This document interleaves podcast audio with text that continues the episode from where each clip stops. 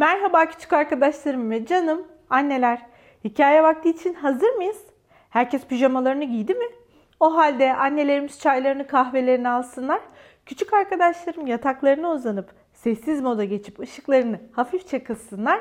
Bugünkü hikayemize başlayalım. Bugünkü hikayemizin adı Farecik Taşınıyor. Küçük sevimli bir fare var ve bir takım değişiklikler yapmak istiyor. Bu yolculukta başına neler gelecek onları göreceğiz. Başlıyorum. Farecik taşınmaya karar verdi. Artık daha güzel bir evde yaşamak istiyordu. Ahırdaki eski yuvasından ayrılıp meşe ağacının yanına gitti. Daha önce evden hiç bu kadar uzaklaşmamıştı. Meşenin gölgesinde oturup biraz dinlendi. Sonra birden fareciğin kafasına pıt diye bir şey düşüverdi. Yaramaz sincaplar meşe ağacının dallarında bir o yana bir bu yana sıçrayıp fareciğin kafasına meşe palamudu atıyorlardı. Meşe ağacına taşınamam diye düşündü farecik. Farecik otların arasında bir delik gördü. Burası rahat bir yere benziyor diye düşündü ve deliğin içine atlayıverdi. Atlamasıyla büyük kahverengi bir tavşanın üzerine düşmesi bir oldu. Bu delik benim dedi tavşan. Hemen burayı terk et. Farecik küçük bir göletin kıyısına geldi. Balıklar suda oynaşıyor, kurbağalar yaprakların üzerinde bıraklıyordu.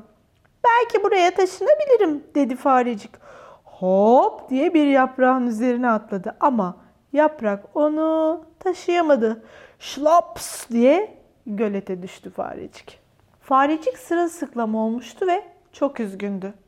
Buralarda bana uygun bir ev yok dedi.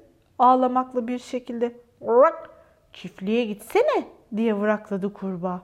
Orada fareler için çok uygun bir ahır varmış. Ben zaten orada yaşıyordum dedi farecik. Evimi gerçekten çok özledim. Sonra farecik kurbağaya el salladı ve ahırın yolunu tuttu.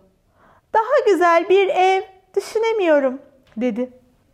Ahır benim gibi bir fare için çok güzel bir yer. Zaman zaman yaşadığımız yer içerisinde ya da etrafımızdaki bazı durumlar için değişiklikler yapmak isteyebiliriz. Fakat öncesinde birazcık düşünüp planlı hareket edersek belki sonuçlarından daha mutlu oluruz. Ne dersiniz? Şimdi bugünkü tuhaf ama gerçek bir bilgiyi paylaşıyorum. Biliyor musunuz? Kertenkeleler dillerini çıkararak koklarlarmış. Yani koku alma organları dilleriymiş. Bugünlük de bu kadar. Yarın yine aynı saatte ben sizler için yeni bir hikaye okumuş olacağım. Hoşçakalın. İyi geceler.